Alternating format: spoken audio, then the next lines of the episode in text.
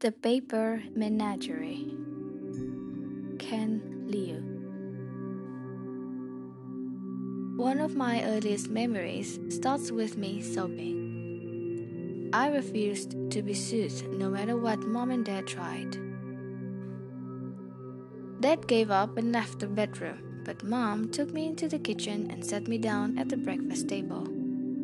Can, can. Look, look, she said as she pulled a sheet of wrapping paper from on top of the fridge.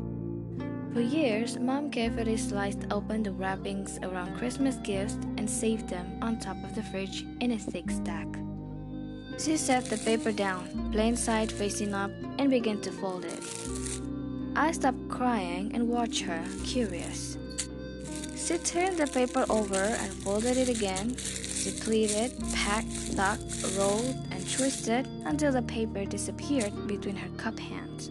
Then she lifted the folded up paper packet to her mouth and blew into it like a balloon. Ken, she said. 老虎.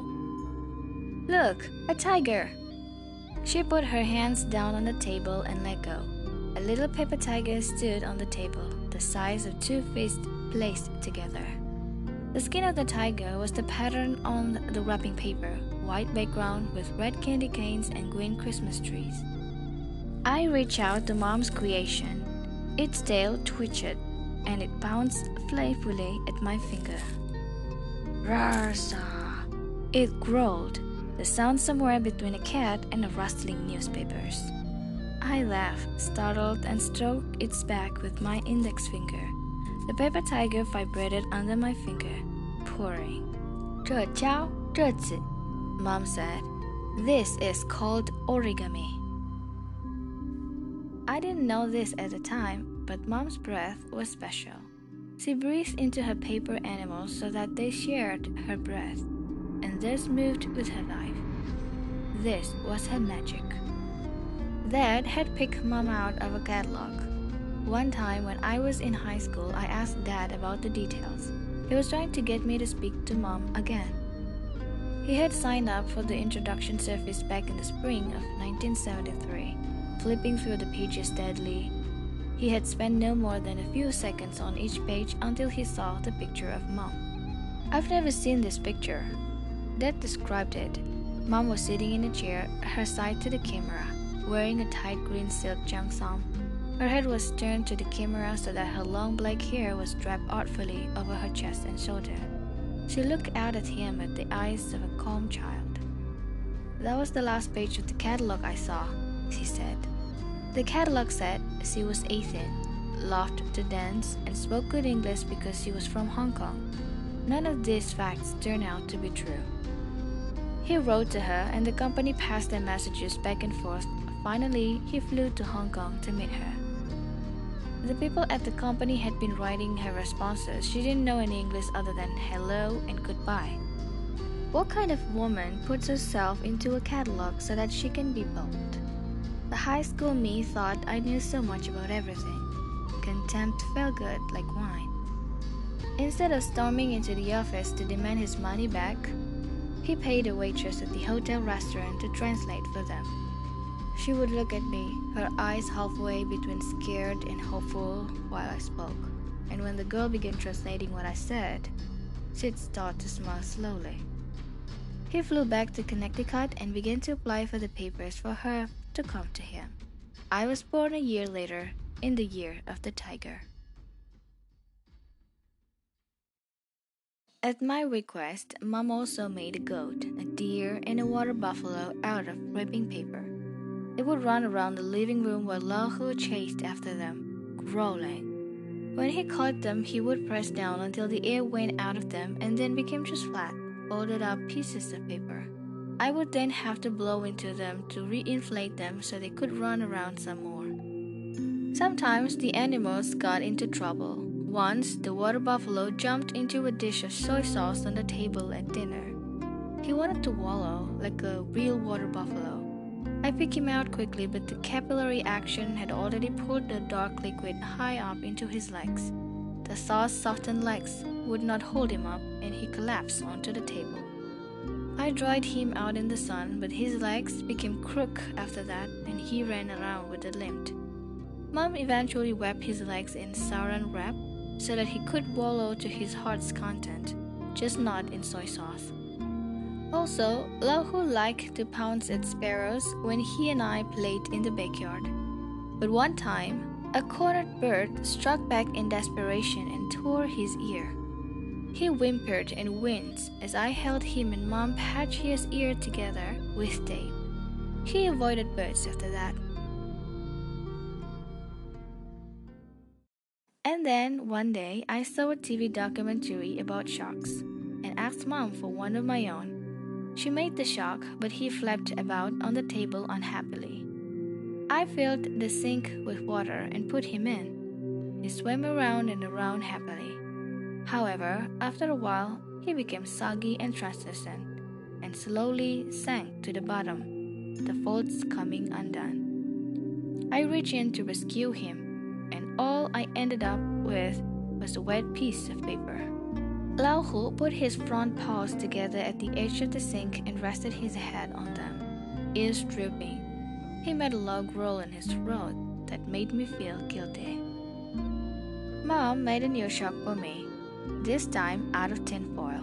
The shark lived happily in a large goldfish bowl. Lao Hu and I liked to sit next to the bowl to watch the tinfoil shark chasing the goldfish. Lao Hu sticking his face up against the bowl on the other side so that I saw his eyes, magnified to the size of coffee cups, staring at me from across the bowl.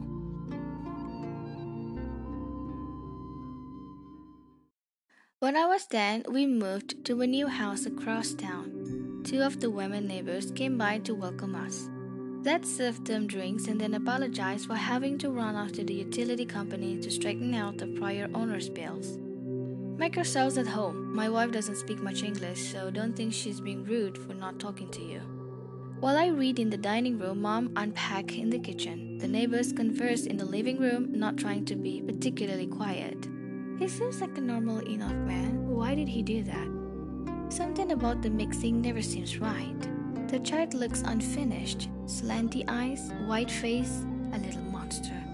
Do you think he can speak English? The woman hushed. After a while, they came into the dining room. Hello there. What's your name? Jack, I said. That doesn't sound very Chinesey.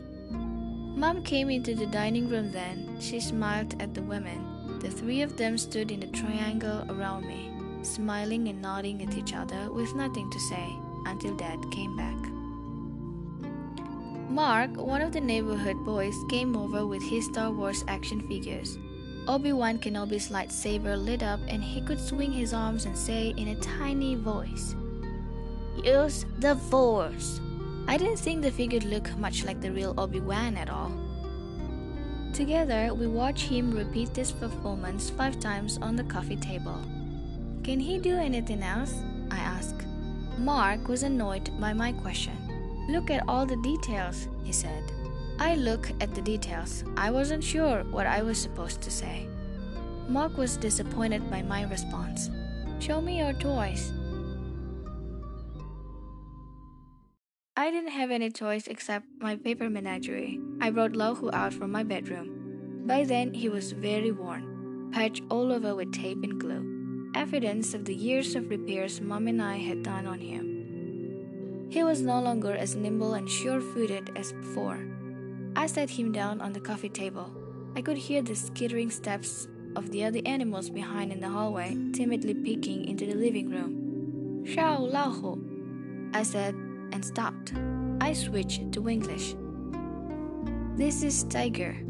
Cautiously, Lao Hu strode up and poured at Mark, sniffing his hands. Mark examined the Christmas web pattern on Lao Hu's skin. That doesn't look like a tiger at all. Your mom makes toys for you from trash. I had never thought of Lao Hu as trash, but looking at him now, he was really just a piece of wrapping paper. Mark pushed Obi-Wan's hands again. The lightsaber flashed. He moved his arms up and down. Use the force. Lao Hu turned and pounced, knocking the plastic figure off the table.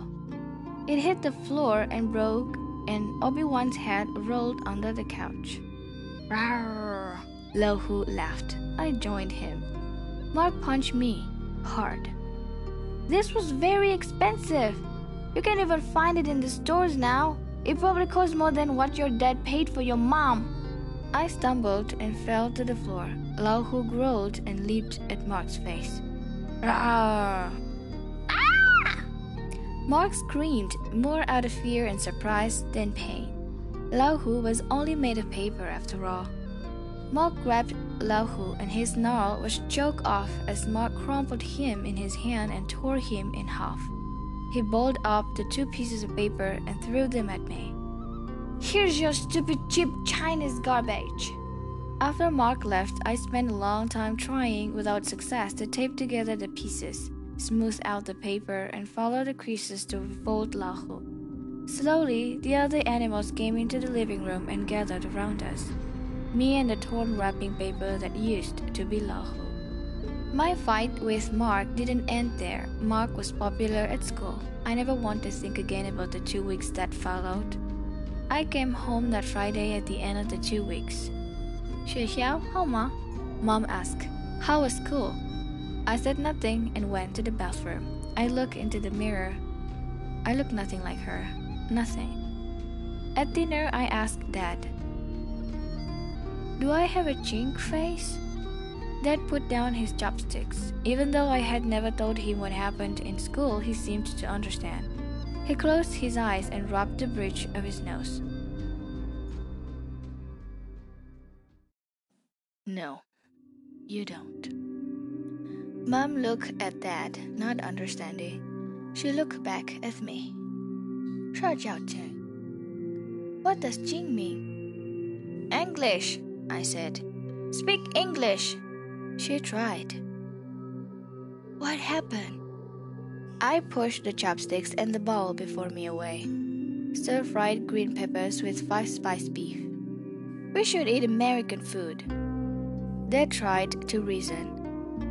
A lot of family cook Chinese sometimes. We are not other families. I look at him. Other families don't have moms who don't belong. He looked away and then he put a hand on mom's shoulder. I'll get you a cookbook. Mom turned to me. 不好吃. The food doesn't taste good. English, I said, raising my voice. Speak English. Mom reached out to touch my forehead, feeling for my temperature. Fashaula, do you have a fever? I brushed her hand away. I'm fine! Speak English! I was shouting. Speak English to him. Dad said to Mom, You know this was going to happen someday. What did you expect? Mom dropped her hands to her sides, she said, looking from Dad to me and back to Dad again. She tried to speak, stopped, and tried again, and stopped again. You have to, Dad said.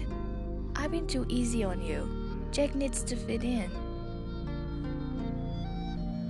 Mom looked at him. If I say love, I feel here. She pointed to her lips. If I say I, I feel here. She put her hand over her heart. Dad shook his head. You are in America. Mom hunched down in her seat, looking like the water buffalo when Lao Hu used to pounce on him and squeeze the air of life out of him. And I want some real toys. Dad bought me a full set of Star Wars action figures. I gave the Obi-Wan Kenobi to Mark. I packed the Paper Menagerie in a large shoebox and put it under the bed. The next morning, the animals had escaped and taken over their old favorite spots in my room. I caught them all and put them back into the shoebox, taping the lid shut. But the animals made so much noise in the box that I finally shoved it into the corner of the attic, as far away from my room as possible. If mom spoke to me in Chinese, I refused to answer her. After a while, she tried to use more English, but her accent and broke sentences embarrassed me. I tried to correct her. Eventually, she stopped speaking altogether if I was around. Mom began to mime things if she needed to let me know something. She tried to hug me the way she saw American mothers do on TV. I thought her movements exaggerated, uncertain, ridiculous, graceless. She saw that I was annoyed and stopped. You shouldn't treat your mother that way, Dad said. But he couldn't look me in the eyes as he said it.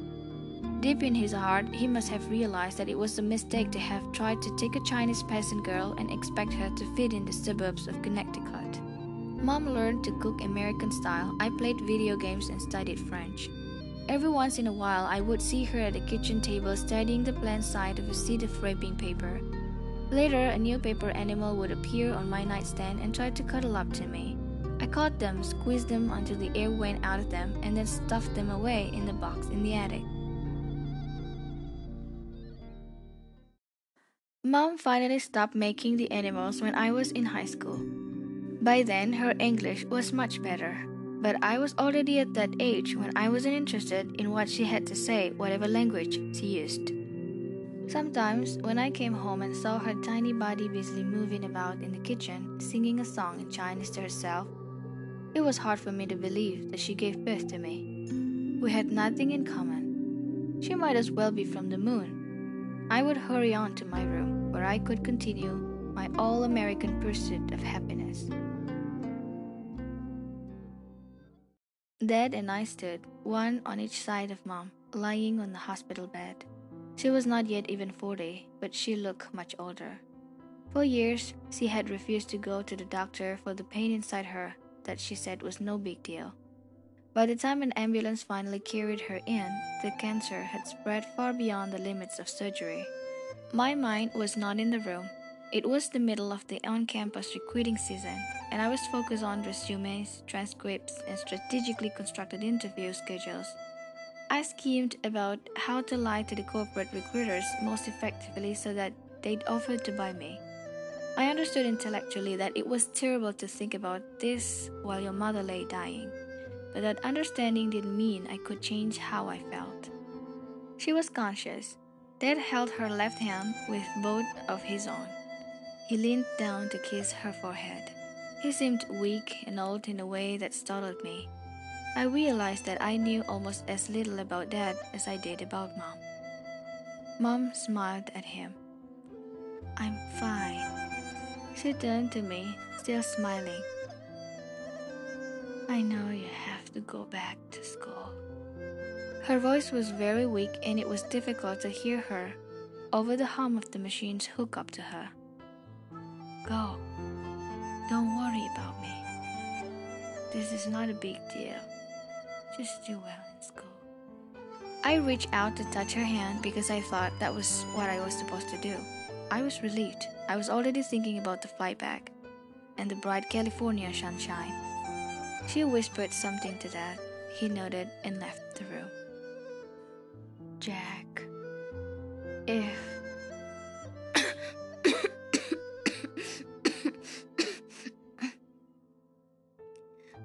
She was caught up in a fit of coughing and could not speak for some time. If I don't make it,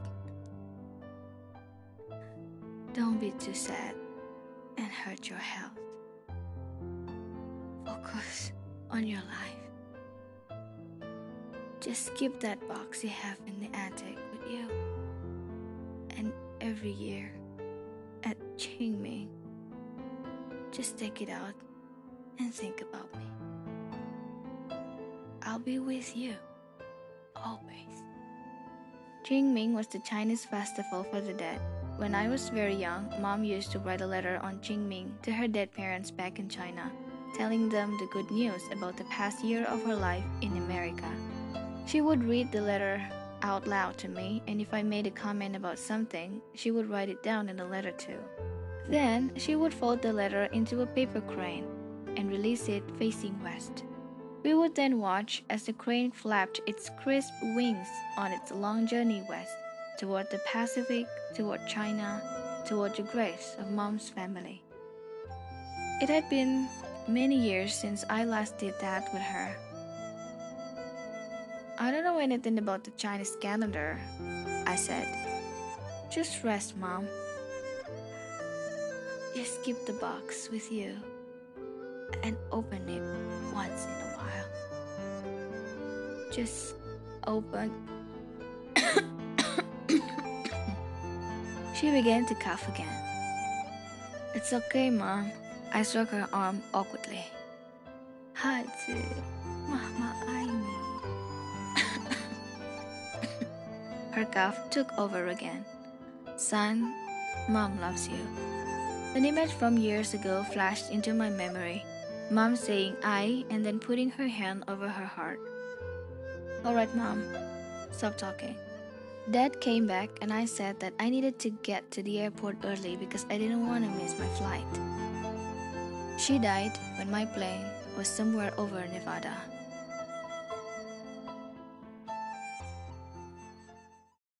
Dad aged rapidly after mom died. The house was too big for him and had to be sold. My girlfriend Susan and I went to help him pack and clean the. Susan found the shoebox in the attic.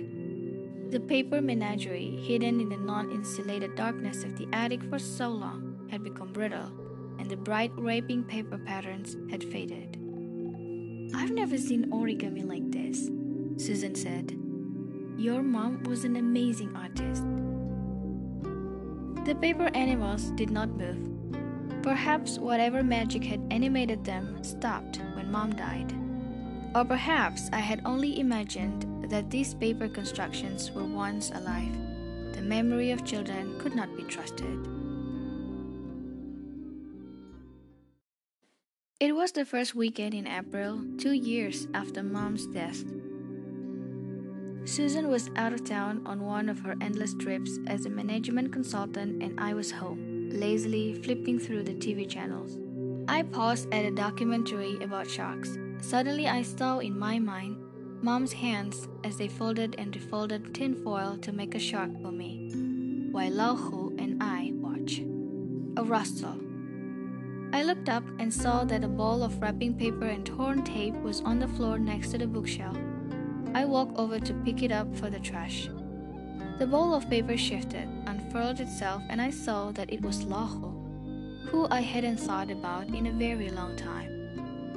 Rarsha. Mom must have put him back together after I had given up. He was smaller than I remembered. Or maybe it was just that back then my fists were smaller. Susan had put the paper animals around our apartment as decoration. She probably left Lao Hu in a hidden corner because he looked so shabby. I sat down on the floor and reached out a finger. Lao Hu's tail twitched and he bounced playfully. I laughed, stroking his back. Lao Hu poured under my hand. Have you been, old buddy?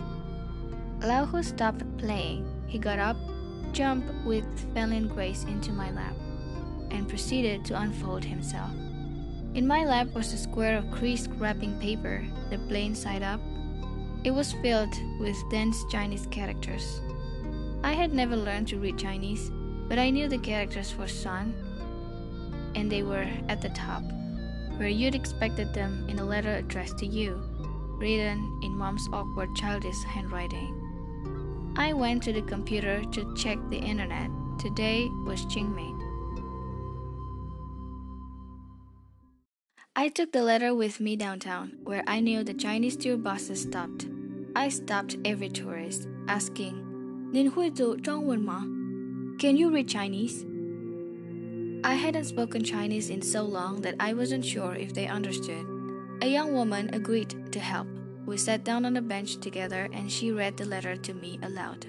The language that I had tried to forget for years came back, and I felt the words sinking into me, through my skin, through my bones until they squeezed tight around my heart. Son, we haven't talked in a long time. You are so angry when I try to touch you that I'm afraid. And I think maybe this pain I feel all the time now is something serious. So I decided to write to you. I'm going to write in the paper animals I made for you that you used to like so much. The animals will stop moving when I stop breathing. But if I write to you with all my heart, I'll leave a little of myself behind on this paper, in these words. Then, if you think of me on Qingming, when the spirits of the departed are allowed to visit their families, you'll make the parts of myself I leave behind come alive too. The creatures I made for you will again live and run maybe you'll get to see these words then. Because I have to write with all my heart, I need to write to you in Chinese. All this time, I still haven't told you the story of my life. When you were little, I always thought I'd tell you the story when you were older, so you could understand. But somehow that chance never came up. I was born in 1957 in Sigulu village, Hebei province. Your grandparents were both from very poor peasant families with few relatives. Only a few years after I was born, the Great Famine struck China, during which 30 million people died. The first memory I have was waking up to see my mother eating dirt so that she could fill her belly and leave the last bit of flour on me. Things got better after that. Sigulu is famous for its dirty paper craft, and my mother taught me how to make paper animals and give them life. This was practical magic in the life of the village. We made paper birds to chase grasshoppers away from the fields, and paper tigers to keep away the mice. For Chinese New Year, my friends and I made red paper dragons. I'll never forget the sight of all those little dragons zooming across the sky overhead, holding up strings of exploding firecrackers to scare away all the bad memories of the past year. You would have loved it. Then came the Cultural Revolution in 1966. Neighbor turned on neighbor and brother against brother. Someone remembered that my mother's brother, my uncle, had left for Hong Kong back in 1946 and became a merchant there. Having a relative in Hong Kong meant we were spies and enemies of the people, and we had to be struggled against in every way. Your poor grandmother, she couldn't take the abuse and threw herself down a well. Then some boys with hunting muskets dragged your grandfather away one day into the woods, and he never came back. There I was, a 10 year old orphan. The only relative I had in the world was my uncle in Hong Kong. I snuck away one night and climbed onto a freight train going south. Down in Guangdong province a few days later, some men caught me stealing food from a field. When they heard I was trying to get to Hong Kong, they laughed. It's your lucky day. Our trade is to bring girls to Hong Kong. They hid me in the bottom of a truck along with other girls and smuggled us across the border. We were taken to a basement and told to stand up and look healthy and intelligent for the buyers. Families paid the warehouse a fee and came by to look us over and select one of us to adopt. The Chin family picked me to take care of their two boys. I got up every morning at 4 to prepare breakfast. I fed and bathed the boys. I shopped for food. I did the laundry and swept the floors. I followed the boys around and did their bidding. At night, I was locked into a cupboard in the kitchen to sleep. If I was slow or did anything wrong, I was beaten. If the boys did anything wrong, I was beaten. If I was caught trying to learn English, I was beaten. Why do you want to learn English? Mr. Chin asked. You want to go to the police? Well, Tell the police that you're a mainlander illegally in Hong Kong. They'd love to have you in their prison. Six years I lived like this. One day, an old woman who sold fish to me in the morning market pulled me aside. I know girls like you. How old are you now? 16? One day, the man who owns you will get drunk, and he'll look at you and pull you to him, and you can't stop him. The wife will find out, and then you will think you really have gone to hell. You have to get out of this life. I know someone who can help. She told me about American men who wanted Asian wives. If I can cook, clean, and take care of my American husband, he'll give me a good life. It was the only hope I had. And that was how I got into the catalog with all those lies and met your father. It's not a very romantic story, but it is my story. In the suburbs of Connecticut, I was lonely. Your father was kind and gentle with me, and I was very grateful to him. But no one understood me, and I understood nothing.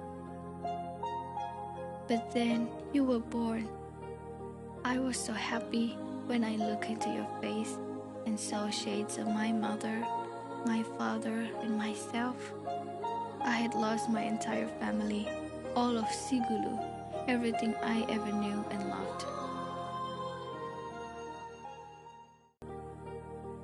But there you were, and your face was proof that they were real.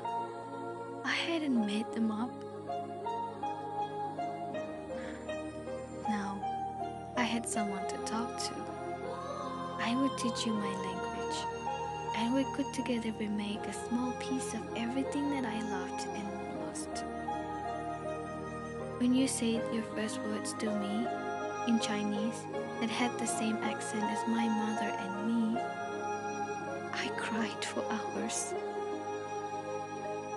made the first zhezhi animals for you and you laughed, I felt there were no worries in the world. You grew up a little, and now you could even help your father and me talk to each other. I was really at home now. I finally found a good life. I wish my parents could be here so that I could cook for them and give them a good life too. But my parents were no longer around. You know what the Chinese think is the saddest feelings in the world? It's for a child to finally grow the desire to take care of his parents, only to realize that they were long gone. Son, I know that you do not like your Chinese eyes, which are my eyes. I know that you do not like your Chinese hair, which is my hair.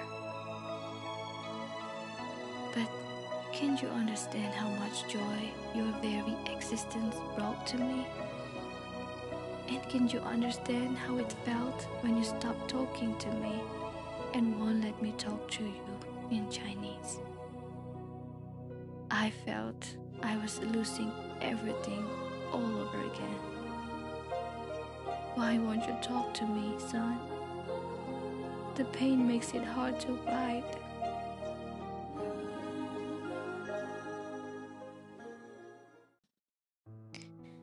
The young woman handed the paper back to me. I could not bear to look into her face. Without looking up, I asked for her help in tracing out the character for I in the paper below Mom's letter. I wrote the character again and again on the paper, intertwining my pen strokes with her words. The young woman reached out and put a hand on my shoulder. and she got up and had left, leaving me alone with my mother. Following the creases, I refolded the paper back into Lao Hu. I cradled him in the crook of my arm, and as he purred, we began to walk home.